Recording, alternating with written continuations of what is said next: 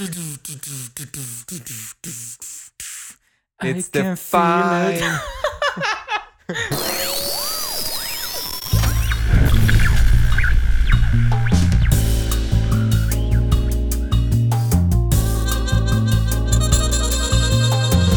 De Zeepkast. Opgenomen woensdag 6 juli 2016.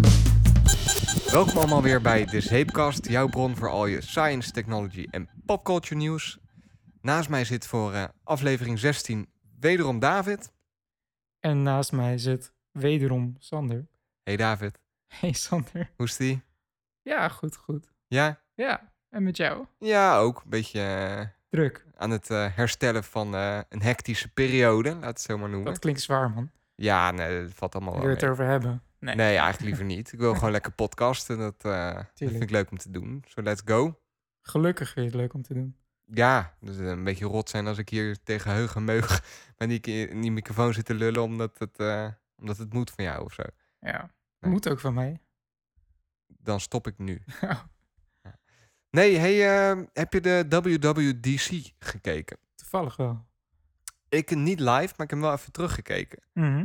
Normaal eh kijk Had je hem ik- ook spoiler-free gekeken? Of wist je eigenlijk al wat nee, er allemaal ik, aangekondigd ik werd? wist al redelijk wat er Was, aangekondigd was je ook werd. iemand die echt gewoon met smart zat te wachten op de nieuwe MacBook Pro met OLED touch, touchscreen strip Ik vind dat en, helemaal en- niks, die touch. en Ik- 5K displays en eh, Ehm, nee, dan kom je eigenlijk gelijk bij eh, mijn belangrijkste punt van wow, dat WWDC. doe ik gewoon maar even. En dat is dat ik het heel lekker vond. Dat het echt wel weer een beetje een developers conference aan het worden is. Aan het worden, ja. Ja, Nou vor- vorig jaar natuurlijk niet. Toen werd er weer- wat hardware aangekondigd. is dat zo? Ja, volgens mij werd er vorig jaar... Werd, Eh, Wat werd aangekondigd? Ik weet het echt niet meer. vorig jaar werd, werd vorig jaar niet... Nou, maar dat is dus het ding, hè. Er wordt echt, de Mac, eigenlijk Mac bijna Pro nooit... werd een keer aangekondigd. Ja, maar dat was dus niet, voor, dat was niet vorig jaar, dat was 2013. Nou, ik, ik vind het gewoon... Ik vind het belangrijk dat WWDC een developers conference is. Maar dat is het dus meestal ook. Er wordt bijna nooit hardware aangekondigd bij, bij WWDC. nou, de, dat vind ik fijn. de laatste keer dat er een laptop was aangekondigd, dat was de eerste Retina 13-inch MacBook Pro. Nou, dat is is toch niet zo heel lang geleden? Ja, wel. Dat is 2012. 12? ja. Ja.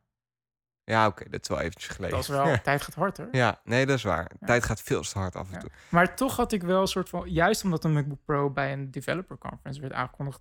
dacht ik stiekem toch wel van... Oh, misschien zal het dit keer wel weer gebeuren. Maar, Ja, maar nee, ja, maar voor- achteraf vond ik het ook helemaal niet erg. iedereen had die hoop een beetje. En volgens mij werd ook al redelijk eh, als algemeen aangenomen dat er iets van hardware zou gaan Maar dat komen. komt ook omdat gewoon eigenlijk best wel veel wat Apple nu verkoopt qua laptops is gewoon oud. Ja, Weet je, dus dat, dat is het meer, denk ik. Van dat, dat iedereen eigenlijk zoiets heeft van ja, moet ik nu nog.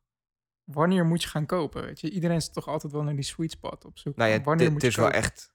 Ja, je hebt hele websites voor ook, hè, waar, waar je kunt zien of nu de Ja, tijd de, is om een de, Apple de laptop buyer's te kopen. guide van Mac Rumors, dat is wel de meest bekende. Ja, ik weet de naam niet. Ik kijk er ook niet. Ik, ik koop niet Nee. zo vaak een nieuwe Mac, dus... Nee, true, maar Ik ja, Mac Rumors is op zich wel een site waar ik regelmatig op zit hoor, of zo. Voor de rest. En ze hebben best wel een goede, dat noemen ze de buyer's guide, Ja. waarin ze precies eh, bijhouden eh, wanneer een bepaald apparaat voor het laatst is geüpdate. En wat het gemiddelde is, wat, wanneer een apparaat wordt geüpdate. En Dat een heel is, simpel rekensommetje. ja, dat is ook een heel simpel rekensommetje, maar niemand doet dat in zijn vrijheid. En niemand heeft een Excel-sheet thuis lopen Ja. met, eh, oh ja, dan is de MacBook Air die is zo vaak geüpdate en er zit zoveel dagen tussen, dus het gemiddelde is dit. Ja. Dat is gewoon handig. Maar, dat maar worden, dat, eh, worden bepaalde eh, events daar ook in meegenomen? Zoals het uitkomen van nieuwe Skylake eh, chips en dat soort dingen? ja, er zit, inclusief zit erbij, zeg maar, want het heet Mac Rumors, dat, eh, dat je de artikelen kan lezen wat op dat product eh, eh, wat- toepassing van toepassing. Ja, oké, oké. Ja, want- dit moet geen Mac Rumors endorsement worden voor de rest. Zo. Nee, helemaal niet. Maar we mogen noemen wie we willen, want we zijn sponsor-free. Ja, En we mogen ook afkraken wie we willen. Dat is wel fijn. true. Ik, eh, ik vond die nieuwe MacBooks, die mock-ups met zo'n zo'n zo'n schermpje erboven, zo'n OLED-schermpje. Ik, ik weet niet of ik het wat vind, man. Ja, het, in de eerste, ja, ik, ik heb denk ik hetzelfde, want toen ik die, toen sowieso, toen die rumors kwamen, dacht ik van, nee, dat wil je toch niet. Dat is toch, Dat Ik- is echt zoiets wat je op zo'n... Ik vind zo'n Windows-ding. Ja, precies. Dat e- echt op zo'n zo'n Alienware-ding verwacht. zeg Ja, waar, Zo'n waar je met je vinger dan het geluid harder kan swipen van links naar rechts. Maar zo zag Maar ik dat- het dus niet eens voor me. Dat, dat lagt altijd een beetje of zo. Of eh, weet je wel, zo- zo- zo'n soort feature ja, zou nou ja, ik dat dan vinden. een Apple die een touchscreen maakt die lag, dat zie ik niet zo snel gebeuren. Maar Ja. ehm, ik weet je hoe ik het voor me zag toen die eerste, die eerste berichten uitkwamen. Je had, je had een tijdje geleden had je van die keyboards van Optimus of zo. Weet en dat, waren, dat was gewoon een, een standaard klikkie toetsenbord. Maar Ja. elke toets, er zat een klein schermpje op. En dan kon je dus eh, via software kon je dus instellen dat in plaats van dat die QWERTY zegt, eh, de toetsen, dat je daar dan ook icoontjes bij krijgt van bijvoorbeeld een muziek-app of video-app waar je mee bezig bent en zo. Dat zag ik voor me. Dus ik zag echt voor me dat ze die, die F-toetsen, F1, 2, 3, daarboven, dat dat dezelfde toetsen bleven. Ja. Maar dat elk toets een klein schermpje kreeg of zo. En dan kreeg ik nog meer dat Windows-idee, zeg maar, van, oh, dat is zo lelijk. Ja. Maar toen die mock-up kwam, zo'n zo'n lange, brede strip, toen dacht ik van, ja, het ziet er, dat ziet er op zich best wel je- sexy uit. Ah, nee, dat vond ik ja, vooral ook als je, met, als je dat met Siri ziet, zeg maar, met, met dat, dat, eh, die waveform, zeg maar, Ja. dat stemmetje wat dan meeweegt, wat precies zo aan die balk past. Ik dacht van, ja, dat is op zich wel cool, maar dat was mijn eerste indruk, hè. Maar daarna denk ik van, ja, maar wil je dat? Nee, ja, niet per se. Het is Dus ik, ik ben wel benieuwd hoor, of dat iets is waar ze, gimmick. waar ze mee bezig zijn of niet. Maakt me, ja, ik heb eigenlijk ook helemaal geen zin om in te gaan op dat soort geruchten. Nee, ja. Het, het- ja, ik, ik vind wel dat de MacBook nu echt wel vernieuwd moet worden. Die, die nieuwe chips die zijn ondertussen zo lang uit en ondertussen wel redelijk bug-free. Nou ja, wat wel grappig is om over na te denken is, want de laptop is wel soort van uitgeïnnoveerd of zo. Op dit punt. Ja, maar dat is al wel vrij lang zo, toch? Ja. Ja, dus ze, ze proberen het nu met de MacBook, dat gewoon eigenlijk dat poorten ook eh, weggaan. Maar ja, ik, ik weet het niet. Het is gewoon zo'n commodity geworden of zo. Ja. Your point being? I don't know. Nee, maar... Maar, het is, ja, maar mijn point being dat, dat, eh, dat eh, mensen soort van weer eh, geïnteresseerd raken dat er echt iets heel nieuws geprobeerd zou kunnen worden met de laptop. Ja, verwa- inderdaad.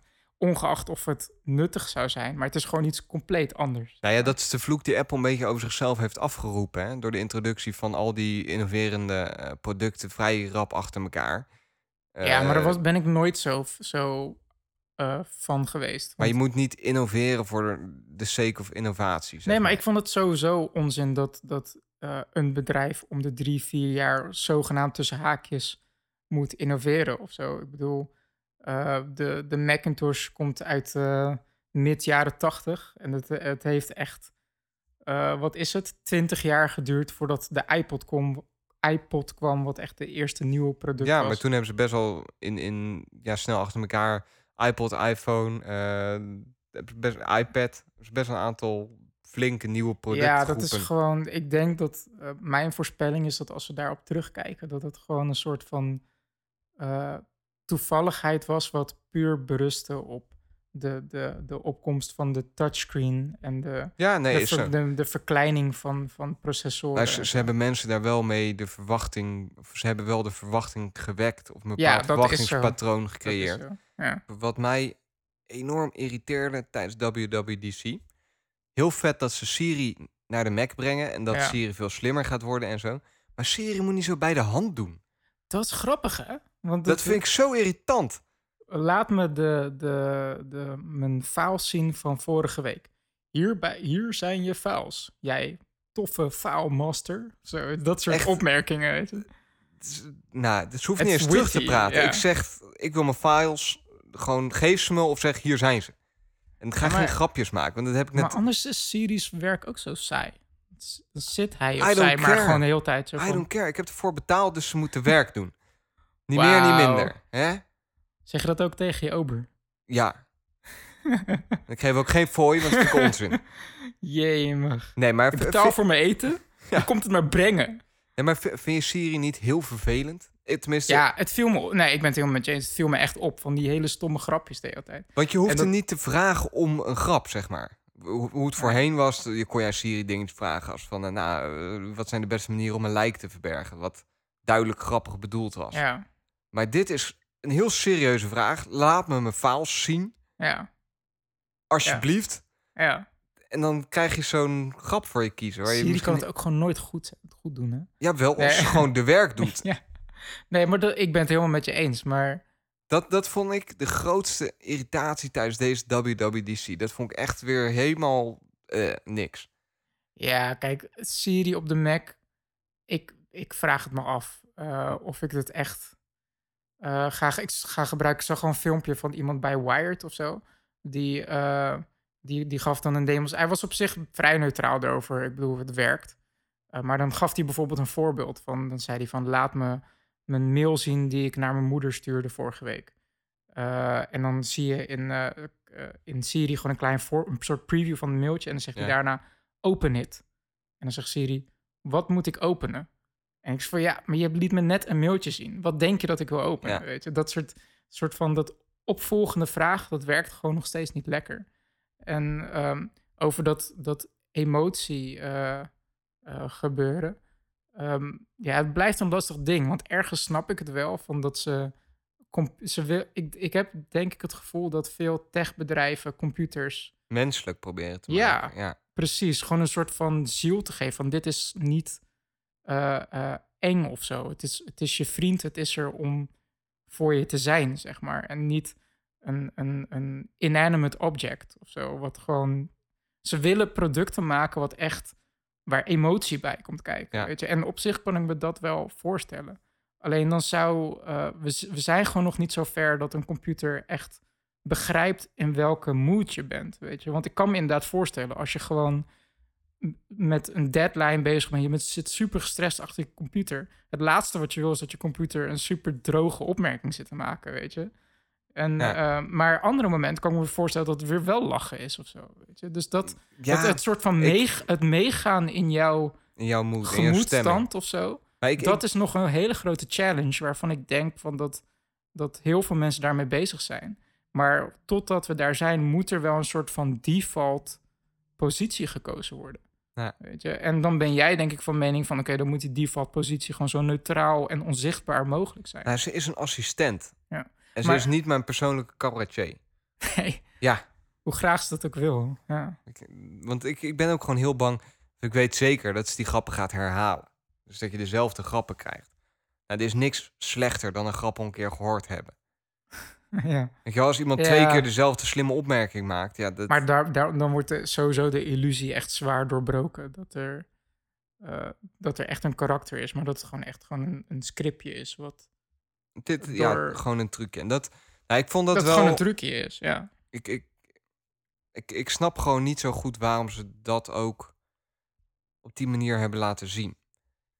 Ik denk dat dit kritiek is die ze uit heel veel van heel veel kanten horen. Was dit, Ja. Werd dit puur zo laten zien omdat het ja, lekker wegkijkt of zo? Of omdat het publiek...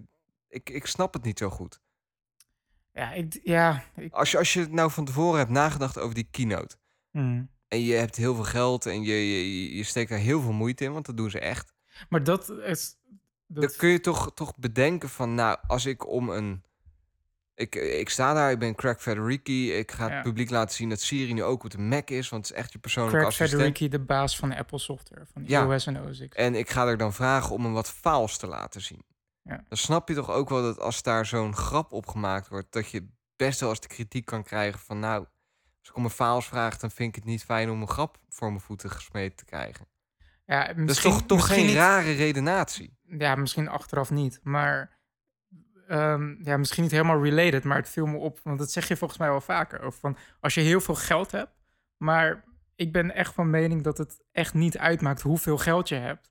Dat de, als je meer geld tegen iets aansmijt, dat betekent niet automatisch dat iets beter wordt of dat je betere keuzes gaat Zo, maken. zo bedoel ik het ook niet. Maar geld heeft wel een correlatie met kwaliteit. Kwaliteit kost geld. Als jij iets heel goed kan, dan kun je er veel Hmm. geld voor rekenen. Dus als jij een heel goede adviseur bent, die kan adviseren over Ja. presentaties of over. Eh, nou ja, dan vraag je daar de ja, hoofdprijs bl- voor. het blijven mensen en het blijven mensen die Sterker die- nog, een die bedrijf die, maken. een bedrijf die verwacht dat jij daar de hoofdprijs voor vraagt. Als jij zegt van nou, ik ben de allerbeste in het adviseren van hoe jij moet presenteren, maar ik doe het voor eh, een tientje per uur. Ja. Dan zeggen we Ja, ook van, ik, ja, ik snap wat je zegt, maar eh, aan de andere kant, het blijven gewoon keuzes. En op een bepaald niveau is denk ik Apple nog steeds de grootste start-up ter wereld. Waar gewoon uiteindelijk gewoon een klein groepje executives eh, ehm, de kapitein zijn. Die zeggen van ja, Siri moet gewoon witty en grappig en een soort van een, kar een karakter hebben, zeg maar. Ja. En geen zieloze tool zijn, zeg maar. En dat is een keuze. Weet je, net als dat het een keuze is om, om iMessage van hele simpele, minimalistische sms-dienst, om daar een super fun, extravert eh, eh, messaging app van te maken. Toen voelde ik me wel echt oud hoor, toen ik dat allemaal zag. Ja. Jij bent geen Snapchat-gebruiker. Nee. Ik heb het pas geïnstalleerd van Snapchat. Het is super droog. Ik, ik heb het ook Ja. al een tijdje geïnstalleerd en zo. Maar Ja. ik heb gewoon nooit eh, het besef dat ik denk van... oké, dit is vast een leuke Snapchat. Ja, maar het, Dus ik heb het oprecht... Ik heb het een half jaar, misschien wel een jaar op mijn telefoon gehad. Ik heb nog Ja. nooit een Snapchat naar iemand verstuurd. Ja, ja maar het, wanneer verstuur je dat? Wat, wat, wat is leuk om naar iemand te sturen? Ja, waar ik, zitten heb mensen het, op te ik wachten? heb Snapchat net twee weken. En ja, je kent me. Ik ben absoluut geen social media expert of zo. En ik ben zelden op Facebook te vinden en dat soort eh Mhm. dingen. Maar ik merk wel dat eh, Snapchat is gewoon grappig. Weet je, het is niet ehm, wat, wat ik soms met social media heb, zeg maar dat, dat je gewoon heel erg je best aan het doen bent om te laten zien hoe tof je leven is of zo, zeg Ja. maar. Gewoon heel bot gezegd. Dat is social media, ja. Ja. ja, precies. En dat heeft Snapchat misschien dan toch ook wel, maar het is gewoon heel spontaan. Je, je kan gewoon hele domme, grappige fotootjes maken en die kan je dan kleuren. Je kan een filtertje overheen gooien. En het toffe eraan is, na 24 uur verdwijnt het. Is het gewoon weg. Dus je, hoeft, je, hebt, je hebt niet echt die druk om, als het ware, kwaliteit te leveren of zo. Je kan gewoon iets heel stoms maken en dan uiteindelijk verdwijnt het toch uit het collectieve geheugen, zeg maar. Denk En- je dat dat zo werkt? Ja. Nee, ik denk het niet. Nee, maar het- nou ja, het, het werkt zo op een technologisch niveau, want het fotootje verdwijnt en mensen kunnen wel een screenshot maken. Eh, maar anyway, we dwalen af. Ja. Eh, ehm, Waar waren i- we eigenlijk? iMessage. Oh ja, gingen opeens naar iMessage. Ja. Ik weet niet meer hoe. we maar- gaan echt all over the place. Maakt maar niet uit, we hebben nu we WatchOS een beetje ja, we gaan niet VWDC Siri, nee. samenvatten. Nee, maar gewoon even dingen. Dit irriteerde Dingen mij dus, Siri. ja. En nu eh, ja, Ja, ik heb, ga je Siri, heb ik het van me afgesproken en dan is het goed. ga je, ga je Siri eh, gebruiken op de Mac? Ehm ligt eraan hoe goed het werkt. Ik kan me voorstellen, als het echt perfect werkt, als ik tegen Siri kan zeggen van laat me al mijn e-mails zien van het afgelopen half jaar die ik naar eh, die en die heb gestuurd die een bijlage hadden. Nou ja, voordat ik dat zelf heb opgezocht, dan is het best wel sneller om dat gewoon even te zeggen. Maar Ja. ik zou het niet doen als er mensen om me heen zitten, want het, ja, dat is gek.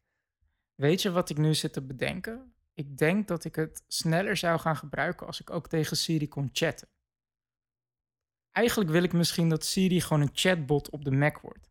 Ja, Net als wat eigenlijk eh, wat, wat Facebook en Microsoft en Google nu ook een beetje proberen. Gewoon intelligentie in chat stoppen. Ik denk dat ik... eh, want ik ben best wel iemand die gewoon sowieso heel veel eh zegt. maar dan, ja. dan ja, als je echt een query aan het bedenken bent of zo, dat, dat, dat moet je dan echt wel bedenken. En dan zit je het soort van bijna in je hoofd te oefenen voordat je het hardop gaat zeggen. Want je wilt in één keer goed tegen Siri zeggen. Van je moet van, ehm, wat, wat wil ik nou eigenlijk? Ik wil een mailtje zoeken van vorige week die ik naar Sander heb gestuurd. Oké, ik zoek even, even, oef- even oefenen. Hm. Vorige week, ik zoek het mailtje, zoek het mailtje van vorige week die ik naar Sander heb gezocht. En dan Als- klik alsjeblieft. Ja. en dan, en dan spreekt. Snap je wat ja. ik bedoel? Ja, ik snap heel en, goed wat je en, bedoelt. en als je typt, dan kan je gewoon een soort van nadenken en jezelf corrigeren voordat je op enter drukt, zeg maar. En dat, ehm, ik weet niet, dat real, dat real-time queries bedenken, vind, Hey. ik, vind ik nog best wel, want het, het Ja, het- wa- ziet er wat heel jouw mak- probleem is, is dat je tijdens het spreken geen backspace hebt. ja, precies. Ja. Precies, want het ziet er allemaal wel zo gelikt uit op het podium. Van, eh, zoek de files van eh, twee maanden geleden. Maar je, je ziet hem ook gewoon denken. Hij heeft dat al zes keer geoefend. Maar zelfs hij moet nog even nadenken van... oké, wat wil ik nou precies weten? Wat Ja, maar het is gewoon heel lastig om een query zo. Het, het is niet na queries, zeg Mhm. maar zoekopdrachten. Dat is niet natuurlijk voor een mens om dat hardop op te zoeken. Wanneer doe je dat nou in het dagelijks leven? Ja. Dan ga je naar de Starbucks. Maar, maar zit, ik, ik, ik wil de, de koffie die ik drie weken geleden in Den Haag heb gedronken, samen met Sarah. Ja. Wanneer doe je dat? Het zou wel heel vet zijn als, Ja. als, als dat zou kunnen. Ja. Ja. dus dat is gewoon heel lastig om dat hardop op te zeggen. En daarom is het logischer eigenlijk om dat te typen, zeg maar. Maar het, het is voor mij ook gewoon, dat is misschien een beetje kip en ei verhaal, maar ik voel me echt opgelaten om in een ruimte waar andere mensen ook bezig te zijn, te gaan hardop te gaan praten. dat, dat gaat sowieso niemand doen. Dat, ik, ik, ik heb ook nog nooit iemand publicly tegen Siri horen praten in zijn iPhone, weet je. Dus dat, En zo, zolang dat niet geaccepteerd is, blijft het een gimmick. Die je alleen doet of die je doet om te laten zien hoe het werkt aan anderen. Nou, ik denk dat nog steeds... Zie, denk zie ik- jij een kantooromgeving voor je waar mensen constant tegen de computer aan het praten zijn? Nee, dat zou, ik zou helemaal gek worden. Maar ik denk qua... Ik, ik geloof nog steeds wel in een toekomst van spraakinterfaces hoor. Maar het is gewoon heel beperkt. Ik bijvoorbeeld in een huishouden. Ehm, eh, Amazon Echo of eh, eh, Google Home of zo. Kijk, dat is een interessante weg. Ja. En misschien de Apple Watch ook wel, weet je. Dat je gewoon even snel je, je, je, je arm naar je mond brengt... en even snel iets tegen je watch zegt. Maar ook daar zit die sociale drempel. En zolang mensen dat niet gebruiken, je, je moet een aantal. Go, go, gadget, go. Weet je? Ja, het, het is zo'n Night Rider, weet je wel. kid. Maar zolang mensen het niet gebruiken, gaan mensen het niet gebruiken. Dat is eh, diep, man. Dat is super diep. nice, ja. Een vicieuze cirkel. Is Ja. het. Dus dat. maar ja, ik, ik, ja, ik ben gewoon nu... Ik ga het sowieso uitproberen. Omdat ik benieuwd ben. Maar eh, ja, Want- maar, maar het, het viel sowieso wel op. Dat het lijkt net of Apple echt fun wil zijn of zo. Want iMessage, wauw, wat een... Wat een... Ik had nooit verwacht dat het, Apple het deed me echt heel erg denken aan MSN, Microsoft Network Messenger. In welke zin dan? De, de fun die het heeft, zeg maar. Het is geen zakelijk platform of het is, het is puur voor fun. Eh, MSN had je ook, weet je wel, mensen die hele lange namen hadden eh, Ja. met, met allemaal termen en Ja. spreuken erin, want dat was, ja, dat hoorde zo. En dat je elkaar alleen maar emoticons kon sturen eh, en dat dan knippen en plakken en heel veel, dat je iemand helemaal doodspamde met emoticons. Ja, ja. Eh, het sturen van nudges, dus dat je iemands anders scherm helemaal liet trillen. Eh, oh ja, zo, die je, bas je, je oh, status constant Ja. op, op, op eh, online offline zetten, zodat je tien keer aangemeld werd, Ja, zodat zo. iedereen je zag. Ik had dat soort leuke dingen, of leuke dingen die als leuk gezien kunnen worden, dat het een beetje een fun platform is. Maar ik weet niet of dat goed is om dat in iMessage in te bouwen. Ja, ik ben dus van mening van wel. Ik, ik weet niet of ik, nou ja, sommige dingen vond ik wel leuk, maar sommige dingen, ja, dat, dat- Ja, het is Als, overduidelijk. als, als ik Het- jarig ben, dan wil ik niet van, van al mijn twee vrienden een. Weet je wel, dat, dat, dat als ik Ja, een berichtje je- krijg, dat je- heel mijn bericht staat te, staat te sneeuwen met confetti en zo. Ja, dan moet je gewoon betere vrienden zoeken. Want goede vrienden zouden dat nooit doen. hey David, het was me waar genoegen. Je weet gewoon wat ik ga doen hè, op je verjaardag. Maar, Nee, maar snap je wat ik bedoel? Dat ik sommige ik dingen... snap heel goed wat je bedoelt. En dan ben ik misschien een beetje een old en grumpy. En, maar ik, ik voelde me wel oprecht een beetje oud toen ik dat zag. Dat ik dacht van ja... Ja, maar je bent ook heel oud. Nee, maar wie is dan de doelgroep hiervoor? Ja, echt millennials gewoon. De, de, de, eigenlijk de mensen toen wij tiener waren en MSN gebruikten en zo. En eh, hele leme hotmail-adressen aan het maken waren. Wat was je hotmailadres ook? Ja, dat ga ik nu niet zeggen. Maar, eh, ja, goed. Dat, ja. ja, hè? maar, maar snap je? De, dat, die mensen die nu Ja. zeg maar... eh, Hunk 999. Het. Er zit wel een 9 in mijn hotmail-adres, dat wel. En een laag streepje ook. Nou, dan komen we een heel eind. Ja. En funk zit er ook in. Funk. Ja, don't ask. Maar Je bent ook wel funky. ja, hartstikke. Maar eh, het, het is gewoon echt voor de millennials, weet je. Gewoon de, de, de tieners. De, ehm, en ik denk dat... ehm, wat ik gewoon grappig vind, is dat ehm, toen de smartphone uitkwam... was het eigenlijk een beetje de running joke van... Oh, het is een telefoon, maar niemand belt er meer mee en zo. En je, Ja. je, je maakt alleen maar foto's mee en eh, speelt spelletjes en mailt... maar je doet eigenlijk niks meer wat je met een telefoon doet of zo. En het lijkt nu wel een soort van terug te keren, want ik ben er eigenlijk best wel van overtuigd dat door jongeren Ja. by far de meest gebruikte categorie apps zijn messaging apps. Ja, sowieso. Nou, niet eens jongeren, denk ik. Eh, ja, ja, misschien ja. Ik, ik Gewoon- weet mijn, mijn vader, mijn moeder en heel veel Ja. van mensen uit die leeftijdscategorie. 30. Ja. Ja, man. nee, maar de, uit die, dat, dat die eh, ook veel meer WhatsApp gebruiken. eh, ja, dan WhatsApp, ze, Facebook Messenger. ehm, ja. noem het maar op. Dan dat ze En- bellen. Ja, klopt. Eh, en je merkt ook gewoon door het succes als... En dat is wel grappig, want dat is ook weer wat jij net zei. Dat mensen misschien liever tikken dan dat ze via voice iets doen. Nou, ik ben wel echt een type die liever message dan belt. Ik ook. Ik hou helemaal niet van bellen. Omdat, ja, ja, gewoon niet mijn ding. Volgens mij hebben heel veel mensen dat. Ja, be- be- bellen is gewoon, voelt altijd vaak gewoon als een soort van interruptie waar je mee bezig bent. En ik vraag me af of dat dezelfde, ehm, het, hetzelfde is dat mensen tegenhoudt om te praten tegen hun laptop. Hetzelfde bezwaar is dat mensen gewoon niet zo zijn van het hardop in een openbare ruimte praten tegen niks, zeg maar. Ja, ik denk dat dat inderdaad. Ik, ik En ook ga gewoon ook nog echt steeds- niet in een drukke omgeving bellen. Ik loop weg. Zelfs als ik met mensen ben en ik word gebeld, dan loop ik even weg om op te nemen. Ik vind het vervelend dan als mensen meeluisteren. Ja, ja, klopt. Helemaal gelijk. En dat is Ja. misschien een beetje hetzelfde. Ja, ik denk wat- dat dat een combinatie van, van dat wat je zegt, gewoon dat, dat social awkwardness om tegen iets inanimate te praten. En nog steeds wat ik zei, van dat, dat het gewoon eigenlijk, uiteindelijk ben je bezig met computercommando's doorgeven. Ja. En commando's uitspreken is, blijft gewoon iets onnatuurlijks. Ja, ja. Weet je? Maar even back to iMessage. Ja, ik, ik vind dit een, een goede move. Ik vind dat ze het, eh, eh, dat het. Ik vind het super interessant dat Apple probeert om iMessage echt fun te maken, echt Mhm. leuk. En dan moet ik gelijk zeggen dat Apple dat. Eh, ja, iedereen zegt van ja, het is nu echt een stuk minder serieus. Maar ik vind dat ze het super elegant doen. Want Ook, eh, ook die eh geblurde tekst waar je overheen moet swipen. ja, dat is super grappig. Ik vind het er niet uitzien. Nee, het is, het is gewoon grappig, weet je. En, en, en ehm, wat ik bedoel met dat ze het elegant uitvoeren, be- bedoel ik tweedelig. Eerste deel, interface-wise, Ja. als je, al, als je al die functies als verborgen teksten, eh, ehm, de bubbel-effecten, dat je de bubbels een bepaalde animatie kan geven, stickers, als je dat allemaal niet wil gebruiken, Mhm. dan, dan zie je er niks aan, aan de, aan de app, dat je die functies kan gebruiken. Weet je, in, in die zin hebben ze... Maar, maar kun je bijvoorbeeld ook uitzetten dat je ze ontvangt? Dat is een goeie.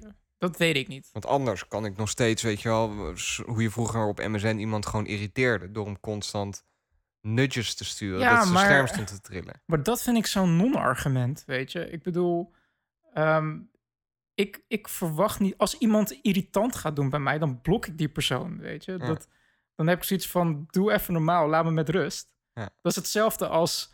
eh, ja, hoe, hoe moet je dat zeggen? Van, ja, het is echt super irritant als ik, als ik elke dag eh, bij jou eh, twintig...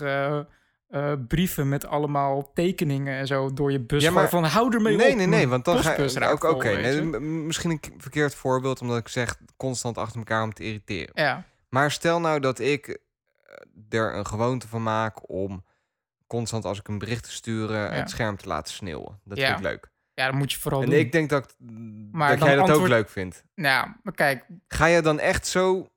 eh, Nou, ga moet, je je, dan met mij het gesprek aan? Dan ga je tegen me zeggen, ik vind het niet leuk dat je dat doet. ja, moet je vooral doen. Maar dan ben ik benieuwd eh, hoe vaak mensen jou nog gaan appen, weet je? Of, Nou, eh, denk je... Nee, ja, echt wel. Mensen gaan echt niet minder terug appen dan. Ja, maar het heeft toch gewoon... Het is toch gewoon... Dat heeft toch gewoon effect op je eigen imago of je dat doet. Weet je? Nee, maar als ik nou oprecht denk dat jij dat leuk vindt. Ja, dan, dan zeg ik... Ja, ik, ik, ten eerste, ik verwacht gewoon... Ik vind het gewoon niet realistisch Ja. dat, dat, dat bijvoorbeeld jij dat zou doen of zo. Weet je? Misschien dat jij het af en toe zou doen, want je blijft Sander. Weet je? Ik ga jou echt helemaal kapot, eh, kapot Ja, maken met vooral nu, nu ik dit Ik zeg. ga zo jouw nummer hier zo op de podcast gewoon gooien... en dan iedereen vragen of ze jou helemaal kapot willen maken met iMessage. Oh, dat wordt leuk. Ja. Ja. nee, maar dan gooi ik echt mijn telefoon uit mijn raam. Maar, maar snap je wat ik probeer te zeggen? ik, ik snap wel het, wat je het, is, het ja. kan, maar al, alles kan, weet je. Ook in het dagelijks leven kan je alles doen. Maar als je iets doms doet, dan is het gewoon... We hebben toch een soort van samenleving die... Nou ja, dat mag je hopen dan, zeg maar. Dat als je iets gewoon super doms doet, ja...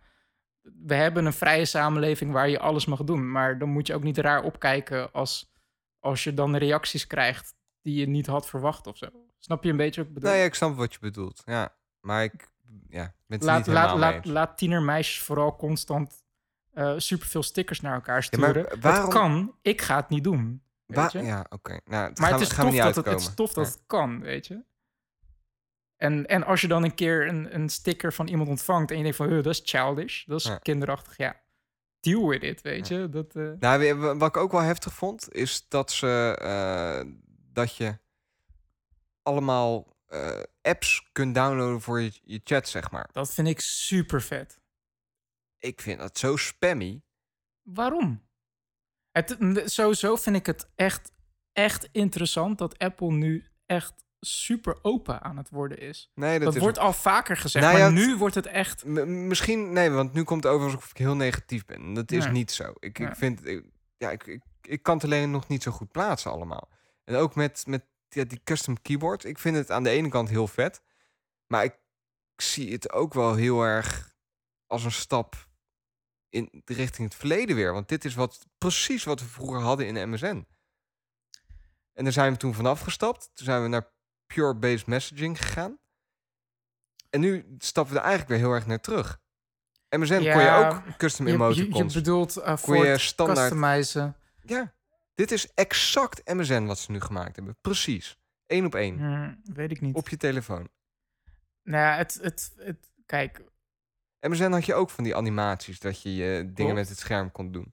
Had Ja, je ook ja. met emoticons dat je custom emoticons kon maken. En dat mensen op een gegeven moment dan emoticons aan elkaar gingen, zodat je één hele grote kon maken. En je kon zelf je commands daarbij zetten, dat je zelf bedacht wanneer je die erin moest zetten. Dus er kon ook third-party eh, emoticons en dingen konden daarin gedaan worden.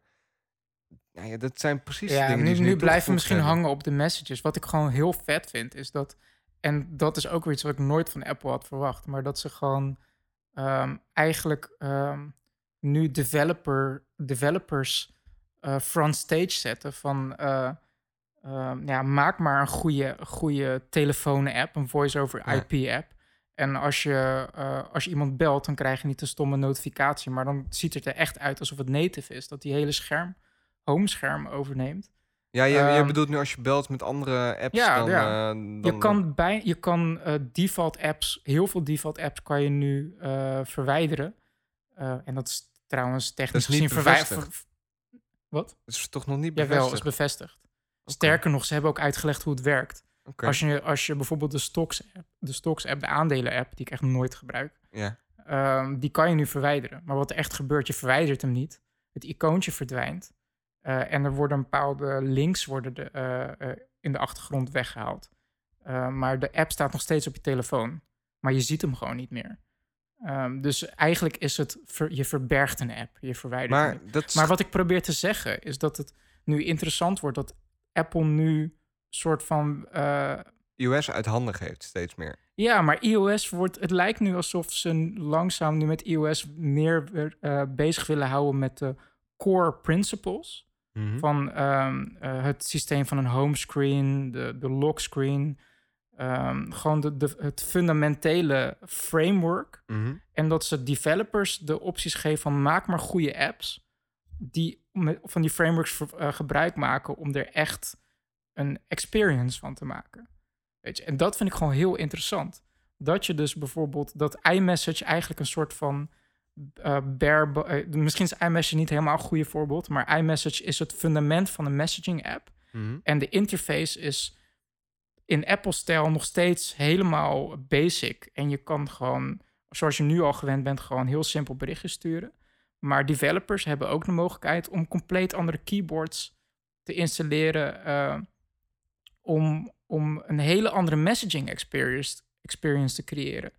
En ehm, dan is het helemaal aan de gebruiker dat bijvoorbeeld een tiener, die, die installeert helemaal happy fun sticker keyboards. Maar een zakenpersoon die, die installeert weer dingen om het helemaal voor hem. Het is veel customizable geworden, maar dan in Apple-stijl, zeg maar. Want ze hebben het wel heel eh, elegant gemaakt hoe, hoe de gebruiker dingen installeert. En wat developers uiteindelijk mogen doen. Want het is nog steeds niet zo dat je eh, bijvoorbeeld, eh, eh, net als bij Windows vroeger of zo, of zelfs Apple vroeger, macOS, eh dat je hele weirde teams, steampunk teams kon installeren of zo. Dat kan niet. Maar je kan qua functionaliteit kan je uitbreiden. En, en zeg is die, die eh, nou, App Store voor messaging, zeg maar, is die monitored of wordt die bekeken? Ehm, het is natuurlijk wel. het moet nog steeds zo'n app review process. Want het is eigenlijk wel een app. Eh, maar het, er zit eigenlijk nu gewoon een nieuwe store binnen Ja. de iMessage app. Ja, oké, maar die is wel monitored. Die, ja, ja, die is. Alleen het toffe eraan is dat je dus eh, niet allebei de gebruikers hoeven de app geïnstalleerd te hebben. Dus als ik jou op, dus eh, als ik jou een sticker wil sturen die ik van een, een set heb ge- ge- gekregen die ik zelf heb gedownload, Mhm. dan hoef jij niet diezelfde sticker collectie te hebben. Je ontvangt hem gewoon. Ja. En er komt een linkje onder van wil jij deze stickers ook gebruiken? Dat is deze app. Dus Komt er echt een linkje onder? Ja, Ah, ja, maar het is echt super klein en, en subtiel gedaan. Kijk, de grap is. Luister, na. Sander is hier echt helemaal dood aan het gaan. Is dat het gewoon niet met me helemaal niks. Ja. Dat vind ik echt heel spammy.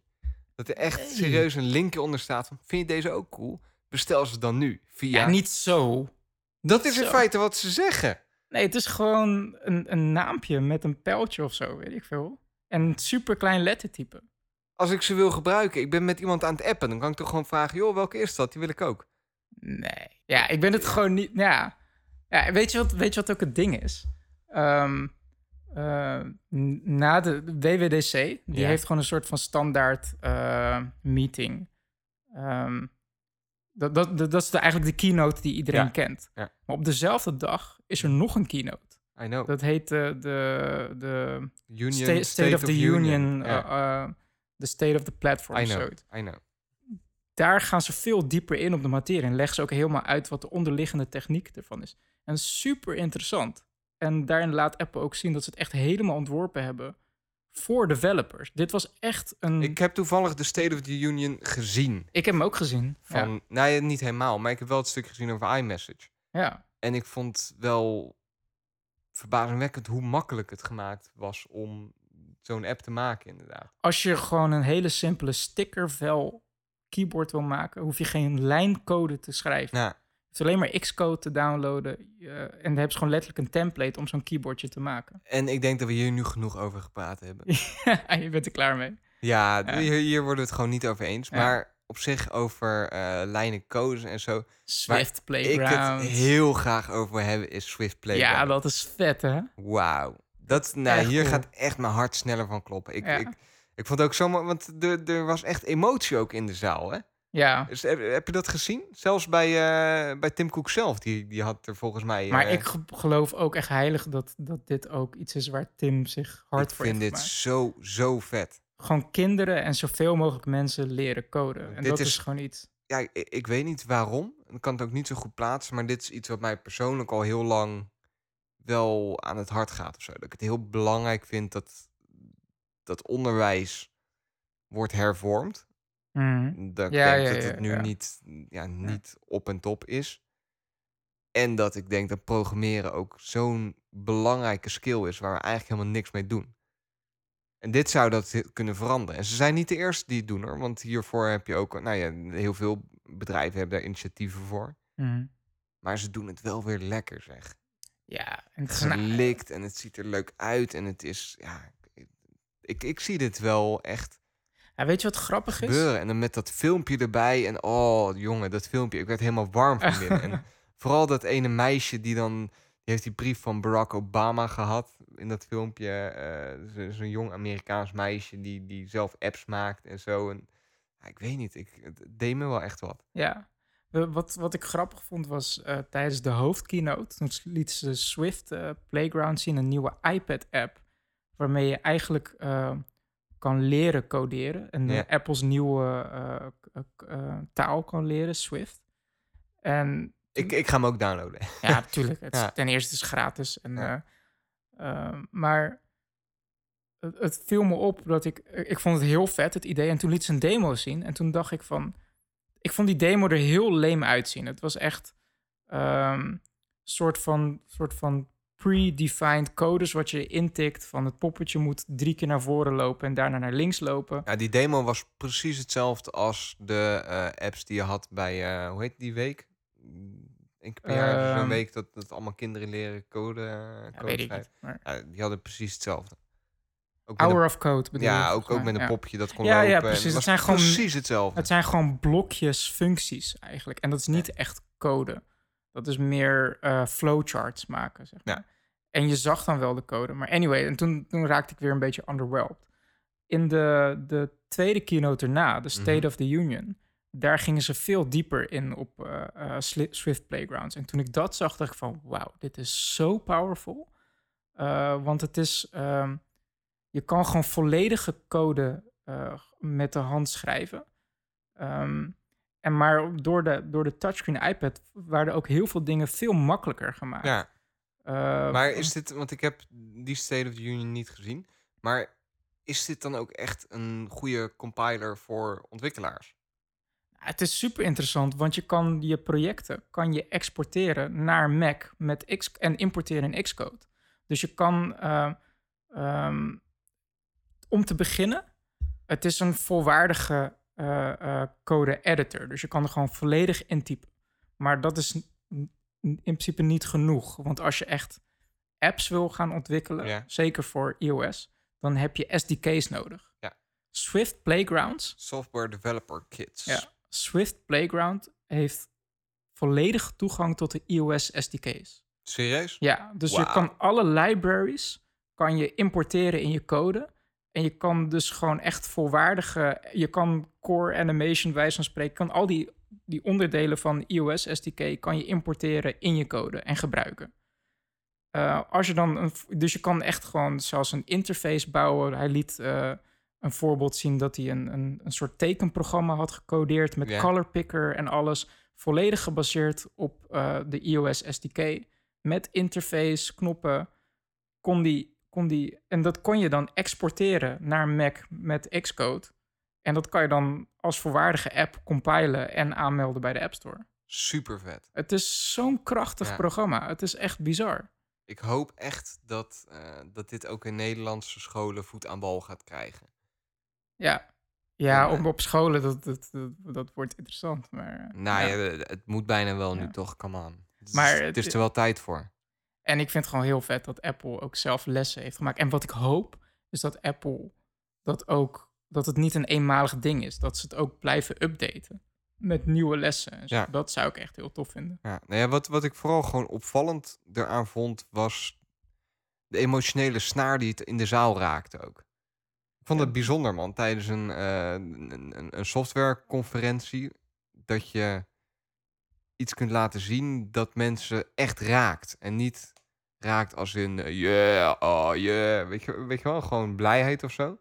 Maar Mm. op, een, op een dieper emotioneel niveau, dat, dat klinkt misschien heel zweverig, maar ik vond het wel weird om te zien. Dat er daar echt mensen in, en die werden ook in beeld genomen, maar mensen die tranen weg zaten wegen. Dat ik dacht van ja, ik, eh, dat, ja, misschien dat ik te, te moe was. Of eh, dat was me echt niet opgevallen. Man. ja, Ik, was nee, echt, dat- eh, nee, ik, ik vond het wel weird of zo, maar ook Ja. wel mooi. Ja, Ja. ik ben trouwens al wel een beetje begonnen met Swift leren. Trouwens. Ja? Ik heb een appje geïnstalleerd. Dat heet Tab Coding. ja. En ehm, ja, ik weet niet hoeveel mensen bekend zijn met Duolingo.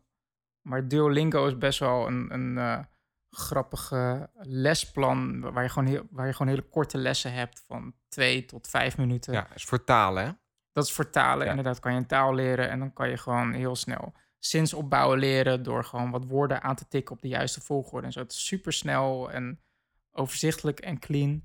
En Tapcoding is een app voor de iPad en iPhone. Waar, wat eigenlijk gewoon die Duolingo-filosofie van leren eh, ook eh, toepast voor coding, voor Swift. En ik ben het nu een tijdje aan het uitproberen. Ik heb nu 16 lessen gedaan. Ik doe er één per dag. Ja. Ik ben er nu zo'n kleine twee weken mee bezig. Het is best wel grappig, man. Het is, nog, het is een 1.0 product. En dus, hoe- hoeveel lessen zijn er? Ehm, ik denk dat ik nu op een derde zit. En ehm, als ik het een beetje opmaak van zijn website, wil hij dat nog wel verder uitbreiden. Ja. En je kan sowieso de eerste drie, drie tot zes lessen kan je gratis doen. Mhm. En het is een, ik merk bij mezelf, het is een Daarna leuk... kost het een tientje, geloof ik. Hè? Ja, 7 euro eh, of een tientje voor unlimited updates. Dus daaruit maak ik op dat hij wel Dat hij het wil erbij- Ja. ja, precies. Anders dat voel hij je wel... wel genaaid. Heb je een tientje betaald? Ja, het is, een, nou, ja. maar het is een risico wat je neemt. Weet Ja. je? Maar ehm, ik merk gewoon dat het gewoon een hele leuke app is. eh, al- als introductie voor überhaupt coderen. Weet je, en eh, ehm, het is. Ja, het, het, het is gewoon een snelle interface. Je kan gewoon even snel wat lesjes doen. Ehm, het, het, ja, ik, ik denk niet dat als je de hele app doorlopen hebt, dat je gelijk een volwaardige coder bent of zo. Maar het, het is een. een Het is een leuk begin. Precies. Ik Maar het denk is, dat het wel- want ik heb er ook even naar gekeken, eh, want ik, ik ken hem. Maar het is niet wat Swift Playground gaat worden. Nee, nee, nee, nee, nee. dat is nee, nee. echt nog veel uitgebreider. En denk, nee, ja, maar ik Ja. denk dat deze app dan ook snel klaar is. Ja, ik geloof, ja, ik geloof als het om leren a- eh, ehm, aankomt, als het op leren aankomt, ben ik echt een voorstander van meerdere methodes en eh, bepaalde concepten vanuit verschillende methodes te horen krijgen, zeg maar. Dus eh, als je het concept van een, ik noem maar wat, een array of zo, of verschillende soorten functies, als je dat via de Swift Playgrounds app eh, een les te, te horen krijgt, dat je dat dan via een tabcoding app ook te horen krijgt, maar dan op hun manier. Zeg maar, ik, ik ben echt een voorstander van dat je daar eigenlijk alleen maar beter van wordt. En dat ja, er nee, niet ja, is ook wel zo. one app to rule them all, zeg maar, qua leren. One maar up to bind them. ja, One up to bring nee, them ik all. ga hem niet nog een keer. ja. Maar eh, snap je wat ik bedoel? Ja, Dus ik snap heel goed Ik geloof gewoon dat die twee gewoon heel erg naast elkaar kunnen leven. ja, is ook wel zo. En dat, en dat ik er dan ook nog een boek bij kan pakken en een YouTube-kanaal en zo. Dat is alleen maar beter als je meerdere bronnen erbij pakt om iets te leren. Maar dat wou ik even kwijt, want dat vond ik heel vet. Swift Playground. Ja, ik ook. Super vet. ook. Kan echt niet. eh, Ik wil het nu eigenlijk, maar moet wachten tot de herfst. Weet je? Ja. hey, eh, wat denk je van even pauze? Ja, is goed man. Het is hier een sauna. Ik ga helemaal kapot. Niet normaal. ik zie het aan je. Lieve luisteraars, tot zometeen.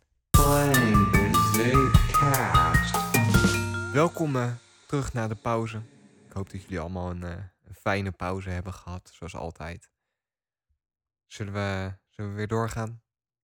Je hebt er zin in, hè? Ik heb er. Nou ja, dit klonk misschien heel. eh, zullen we weer doorgaan? awesome. Komt misschien ook door die hitte hier hoor. We hebben nu een deurtje ik snap het gewoon opengezet. niet, man. en, het eh, is echt een sauna hier, maar hoe dan? Ja, nou ja, dat komt omdat we on fire zijn. Ja, dat is wel echt een stevige discussie, Ja. Wat de hel? This girl is on fire. Nee, ben ik niet gewend tussen ons. Zo'n zo'n Nee. discussie. Nee. Hey, eh, hey, is die weer? Nee. Waar we het ook nog even over wouden hebben was Apple die eh, wil wat meer aan eh, machine learning en dingetjes gaan dit, doen. Is wel echt, dit is wel echt een Apple-podcast deze keer. Trouwens. Even Ja, tussendoor. Nee, ja, dat, Kun je- dat ik wil niet zeggen dat het erg is of zo, maar het viel me ineens op. Het is gewoon een We hebben echt- observatie. Ja. ja, nee, dat klopt. Ja, we hebben gewoon veel om over te hebben. Ja, en ik, ik knal het ook gewoon allemaal achter elkaar. Ja, Anders is het ook zo raar. Als het over Apple iets anders Apple. knallen het allemaal achter elkaar. Een soort hamburger model. Nee. Differential privacy. Zo, goedemorgen. Ik gooi hem er gewoon in. Ja. Nee, wat ik gewoon heel vet vond. Want we, hadden het- we hebben het er echt al heel vaak over. Van hoe kan. We hadden het de laatste podcast Ja. er letterlijk over. Van hoe kan Apple meegaan in die gigantische machine learning race? Zonder dat ze zelf echt data kunnen hebben. Omdat ze privacy willen beschermen. Ja, precies. True. Nou, ik zat die keynote te kijken en er- er werden termen van het podium gegooid van Apple. What, what are you saying to me, man? Je hoort Ja. machine learning voorbij komen. Ik dacht van, wat? Waar hebben ze het over? Intelligence? Hoe dan? Ja. Why? How? Tell me more. Nee, ze, willen nu toch data gaan verzamelen van, eh, van de klantenbasis. Wat ze eerst echt niet wouden doen. Maar dan hebben ze gezegd, dan gaan we daar iets op toepassen. En het heet differential privacy. Ja, Dat is een manier waarop ze data van mensen kunnen verzamelen. Zonder dat die ooit te herleiden is naar eh, specifieke klanten. ja. In een notendop. ja dat, dat is het effect en dat is de hoop. Want ten eerste, Apple heeft het niet bedacht, differential privacy. Nee. Het is een, een theorie. En Apple is eigenlijk de eerste die het op een grote schaal gaat toepassen. Echt En- flink groot En schaal. ik ben ja. echt su- super benieuwd hoe dat gaat uitpakken. En, eh, Nee, of het werkt ook. want het is eigenlijk één groot experiment. Ik, ik heb er wel wat dingetjes over gelezen. En ja, volgens mij zijn experts er ook nog helemaal niet over eens of dit nou iets. Eh, eh, het, het is een theorie. En in, in, theo- in theorie is het super Mogelijk. interessant en moet Ja. dat werken. Want de theorie zegt dat als je, ehm, je, je, je gooit een soort randomness erin, dat je eigenlijk maar kleine delen van data van mensen vraagt. Ehm, en dat je die data ook random maakt. Dus Hey, stel, eh, wat ze doen, niet, want, want op zich het random maken van data, dat, dat doet Google en zo ook wel. Maar als je maar genoeg data hebt, ook al is die data random, alsnog kun je die dan wel herleiden Ja. naar een persoon. Maar wat ze doen, ze gaan ruis toevoegen. Ja. Eh, dus ze gaan alles verzamelen en dan gaan ze daar een, een, een voldoende eh, ja, aantal non-informatie eigenlijk aan Ja, toevoegen. maar, de- de- maar jouw toestel die, die maakt ook non-informatie. Want het, het, eigenlijk hebben ze een soort van algoritme ingebouwd dat, dat jouw data die je verstuurt naar Apple, dat dat soms gelogen is. Ja, Dus als je bijvoorbeeld eh, de letter A intoetst, dan eh, wil, wil Apple dat weten, bijvoorbeeld hoe vaak je de letter A toetst. En dan elke keer als je de letter A intoetst, eh, stuur je een, een, een ja naar Apple. Ik heb hem nu, nu, eh, Ja. nu ingedrukt. Maar voordat je dat doet, dan zegt de iPhone, de iPhone die gooit dan een, een, een, eh, een munt omhoog. En die zegt van, nee, ik, ik, hij heeft nu de letter A ingetoetst, maar ik zeg nu nee, ik ga nu liegen. Zeg maar, dus constant, ja, dat, dat is hoe het werkt. Dat, dat heeft Apple ook zo uitgelegd ehm, bij die interview met John Gruber tijdens de talkshow. Dat ze eigenlijk constant, eh, eh, dat, dat de iPhone soms echte data geeft en Mhm. soms gelogen data naar Apple geeft, eh, stuurt. En het, is, het zijn ook kleine deeltjes, deeltjes van data, maar dat gaat misschien iets te ver. Maar de, het idee erachter is dat het is heel lastig als je dan twee iPhones hebt die dan soms de waarheid vertellen en soms liegen. Maar als je er miljoenen hebt, dan komt de waarheid alsnog naar boven drijven. Ondanks dat een, dat een aantal Ja, je- je- iPhones ertussen ja. soms liegen. Je kunt er een statistische analyse op loslaten. En als je weet hoe vaak er statistisch gezien gelogen wordt, dan kun je die kans tot liegen kun je eruit filteren. Ja, Ik, ik dacht dat het anders werkte, joh. Maar dan, ja, als, als jij zegt dat het zo is uitgelegd, dan, eh, dan zul je daar vast gelijk in hebben. Er is een, een eh, Twitter-gebruiker die had een hele grappige tweet over geschreven. Die zegt: If you ask lots of drunk people a question, many answers will be wrong, but the average answer will be correct. That's differential privacy. Oké, nou, dat is mooi uitgelegd. Ja. Ik, dus ik het dacht zijn gewoon op- allemaal dronken iPhones, maar dan toch uiteindelijk komt de waarheid naar boven. Is de theorie. En ja, waar het mij om gaat uiteindelijk is... ik hoop dat het gaat werken. Want dat zou zo tof zijn dat Apple het voor elkaar krijgt... om het, het privacy eh, gegeven in stand te houden. En dat ze dan toch mee kunnen gaan in die eh, eh, machine learning business. Van, dat ze toch hun, hun, hun technologie slimmer kunnen maken door te, door te lezen wat hun totale userbase doet op een telefoon. Zonder dat je eh, ehm, ja, echt precies een profiel van iemand z- kan zonder dat je iets van iemand weet, eigenlijk. Ja, ja. precies. Zodat dat ook nooit verkocht kan worden of te herleiden is naar iemand als ze gehackt worden of als er iets gebeurt. Ja, nee, ik, Ik ik- hoop dat het gaat werken. Echt waar, dat meen ik echt oprecht. nou ja, het, het moet werken. Hoe, hoe heftig dat ook klinkt. Maar als het niet werkt, dan heeft Apple wel echt een probleem. Ja. Want dan kunnen ze niet mee in de machine learning Ja. business. En dan, eh, ja, dat is niet goed. Ja. Dat Ja, is- klopt. Ik heb begrepen dat ze, dat ze in iOS 10 gaan ze het... Eigenlijk, ze beginnen heel eh, eh, voorzichtig. Ze gaan alleen een aantal soort data gaan ze, gaan ze opzoeken. Ja. Zoals ehm, wat voor woorden eh, je gebruikt. Dus om de, de, de woordsuggestie, om dat slimmer te maken. En dat Apple dus ook sneller kan leren wanneer be- een bepaald woord opeens populair wordt. Of een bepaalde slangterm of zo. Een, een niet bestaand woord als, als, als de, eh, de millennials of zo, ik noem maar wat. Of, Ja. of als het in de, in de straattaal opeens populair wordt, dat Apple dat gewoon heel snel kan leren. Ja, een, een woord als fam, dat hoor ik de laatste tijd heel veel in YouTube-filmpjes en zo. heb nooit van gehoord. Wat betekent Nou ja, dat? dat is onder, onder jeugd. De jeugd. Nou ja, het staat voor family. Ja, Maar zo noem je ik, gewoon maar- eh, what, what's up fam. Dus eh, Oh, ja, dat dat- heb ik echt nog nooit ah, iemand horen Afschuwelijk zeggen. vind ik het. Maar goed, dat, is, dat zou één zo'n woord kunnen Ja, zijn. precies. Ja. En ehm, wel, wat voor emoticons je zou willen gebruiken of zo. Dat zijn dingen waar Apple mee gaat beginnen. Ja. En ehm, op wat voor linkjes je klikt in apps, naar, naar eh, deep linking naar apps, zeg maar. Dat willen ze gaan meten. Het zijn nog maar een aantal kleine stappen die ze nemen. Mhm. Eh, ja, ik ben super excited en eh, ik vind het gewoon heel interessant. Nou ja, tijd gaat het leren of het gaat werken. Want de suggesties moeten gewoon beter worden. En Ja, als dat ja, niet zo is, dan werkt het niet.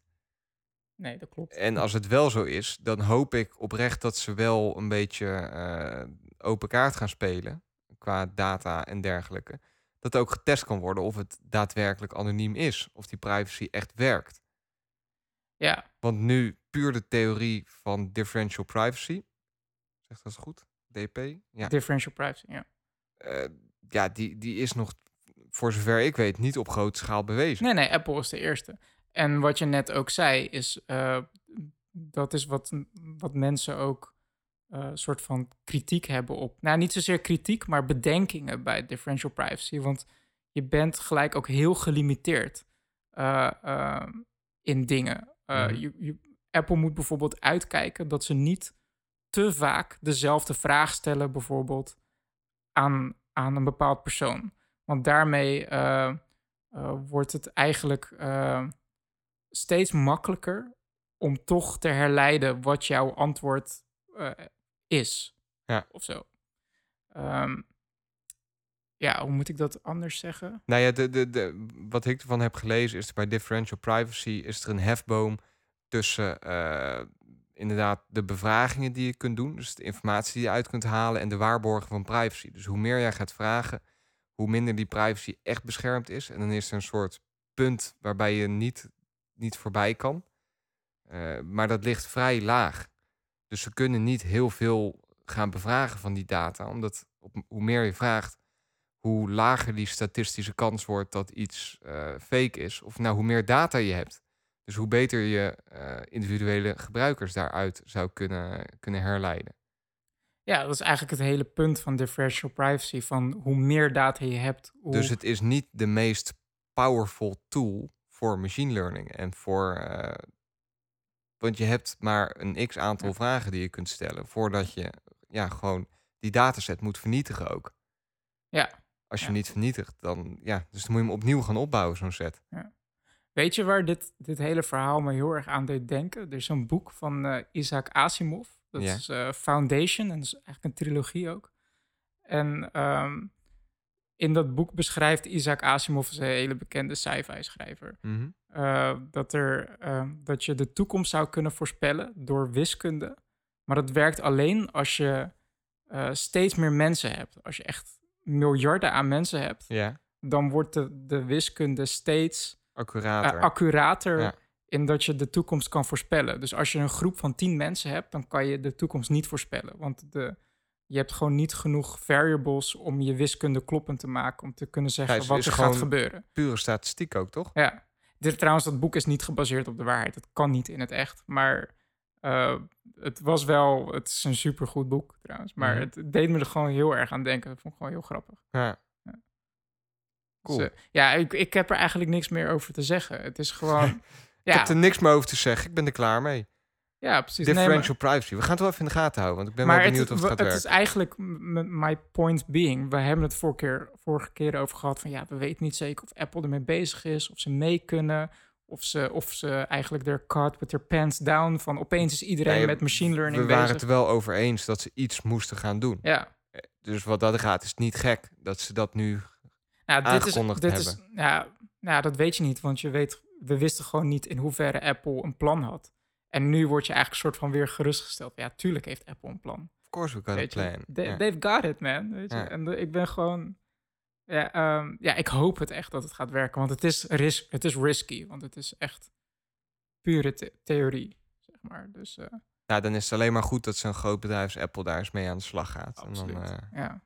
Gaan het wel even, ik, ik ga er, ja, wat ik zeg, we gaan het even in de gaten houden. Ik ben er heel erg benieuwd naar of het gaat werken en of het ook goed werkt. Ja. Want de concurrenten die hebben veel krachtigere tools tot hun beschikking, omdat die minder met privacy bezig zijn. Ja. Dus dat is lastig concurreren. Ja, het, ja, we gaan het zien. Dus ik ben benieuwd. Jij wou nog even, eh, want jij bent nu bezig, of je hebt onlangs, weet ik niet of je al uit hebt, heb je een heel interessant boek gelezen. Ja, ja, ja. En daar Ik wou je heb nog even uit. wat over zeggen. Ik heb hem uit. Ja, dat dus is, de mic is van jou. het is eh, het boek Sapiens, A Brief History of Humankind, geschreven door Yuval Noah Harari. Nog een keer? het- Yuval Noah Harari. Je hoeft niet te onthouden. Ik zet Show notes, show notes. Ja, precies. Ehm, het is wel grappig. Eh, we hebben net ook een boekenkastaflevering eh eruit gegooid. Daar hebben we het boek Seven. Shameless self-promotion dit. Hey, Ja, come on. Hè? Waar, waar doen we het anders voor? daarom. Maar we hebben daar het boek Seven Leaves besproken. En die stond in een top 5 van Bill Gates. Als Ja. boeken die je deze zo moest eh, lezen. En dit boek, Sapiens, stond er ook op. En die had ik toevallig al... Ik heb hem denk ik vorige week... Nee, twee weken geleden uitgelezen.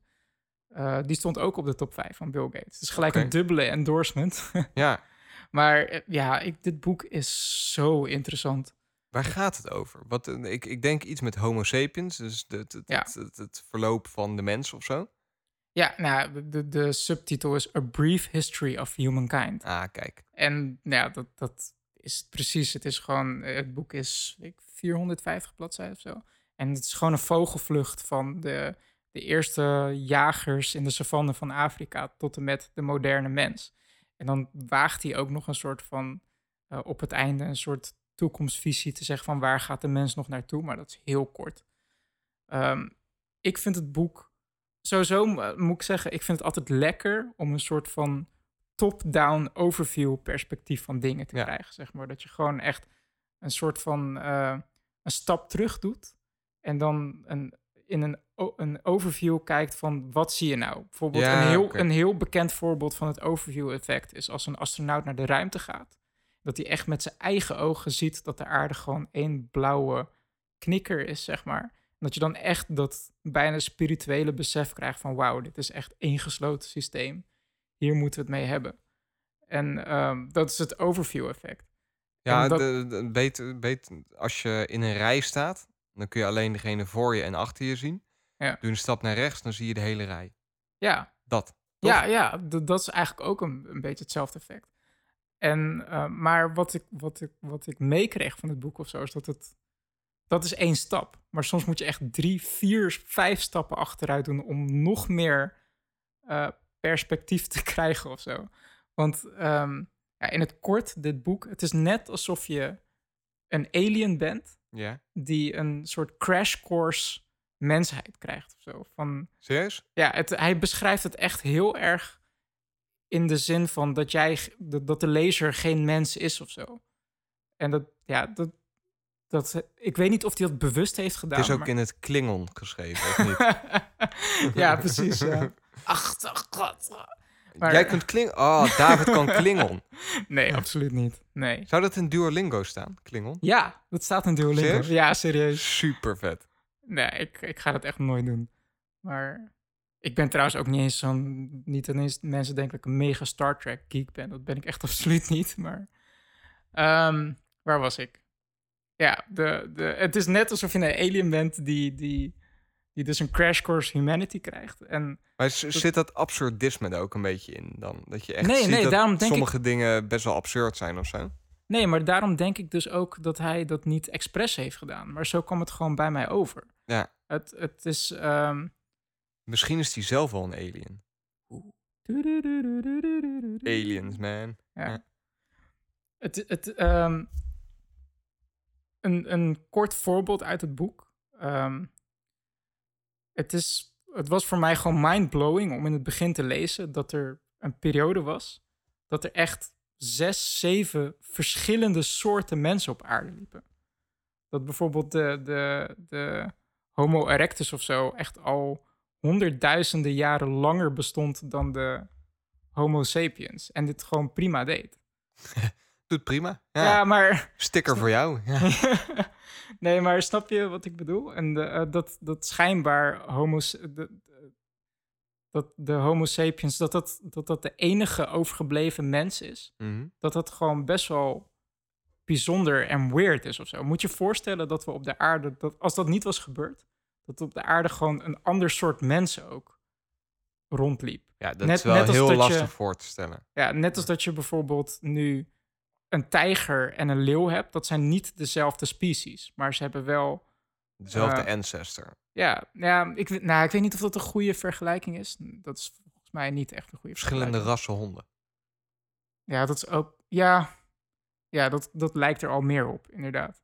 Maar dat, dat is gewoon super weird. Maar dat is een periode wel zo geweest.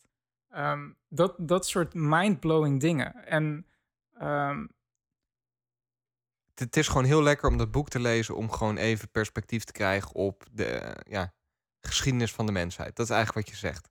Wat ik Ja. begrijp. Ja, en dat, dat je ehm, eh, het, wat het boek probeert, is eh, uit te leggen dat de mens eigenlijk ook maar een dier is, Ja. maar dat de mens wel bepaalde capaciteiten heeft, wat andere dieren niet hebben, waardoor we ehm Superieur zijn.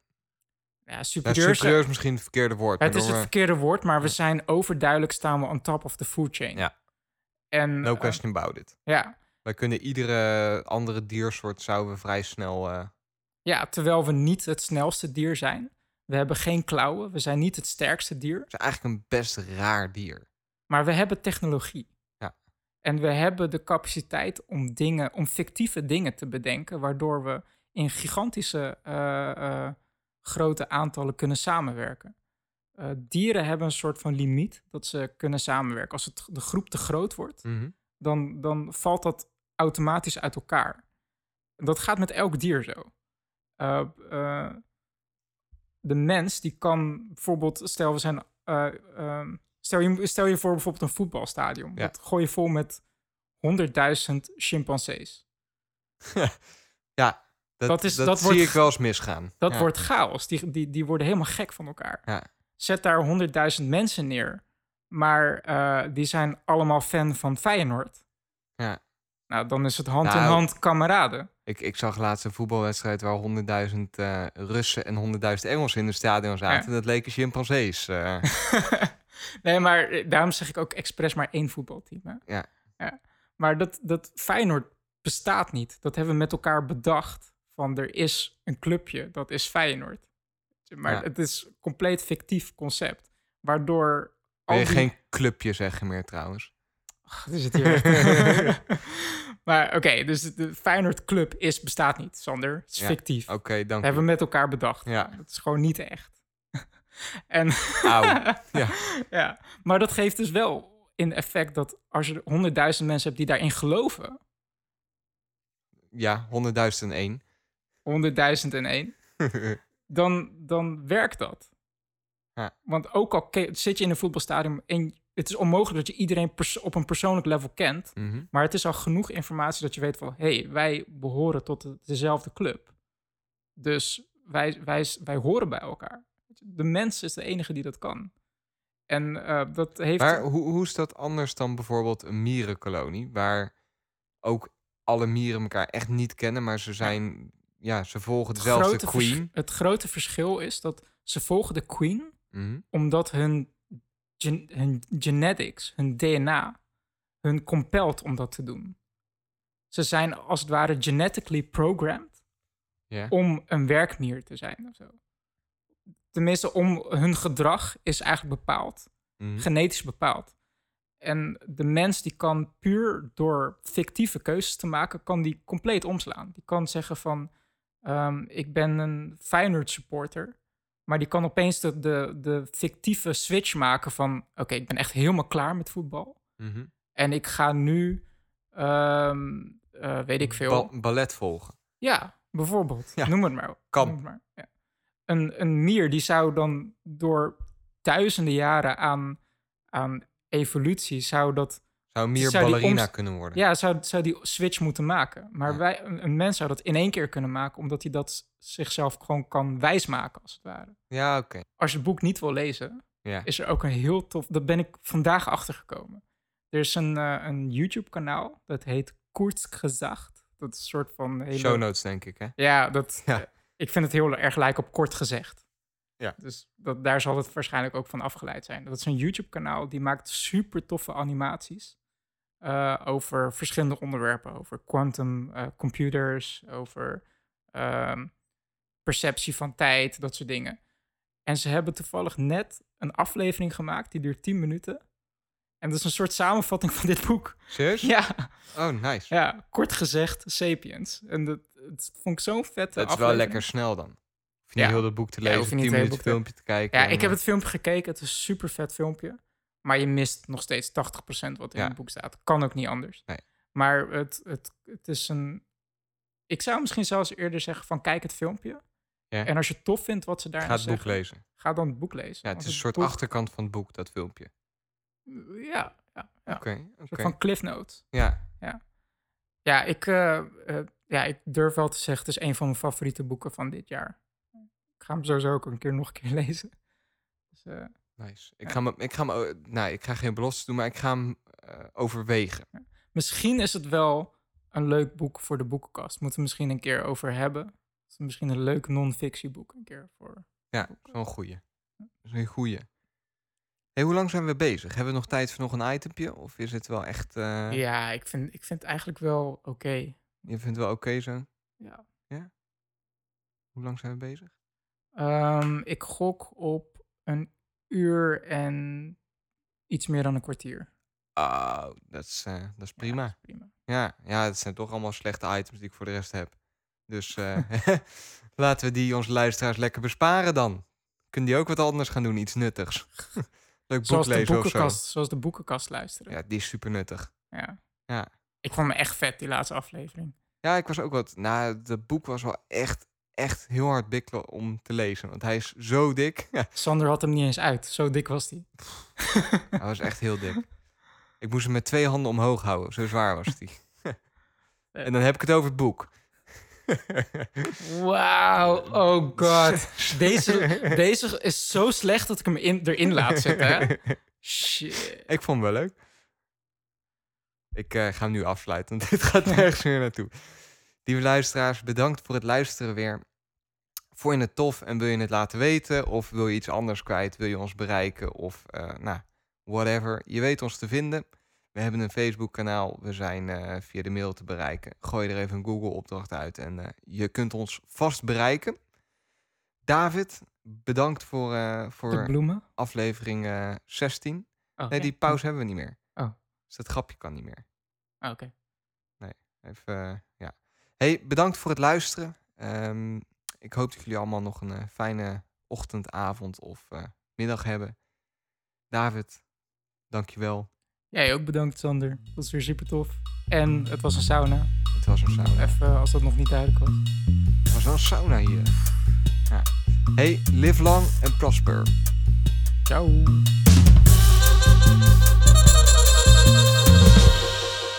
Als je weer met plezier naar de zeepkast geluisterd hebt, kun je ons op een aantal manieren ondersteunen. Dit kun je doen door een review achter te laten in iTunes, de App Store of in Overcast of Stitcher. Deel de zeepkast met je vrienden en kennissen en like ons op Facebook. Nogmaals, enorm bedankt voor het luisteren.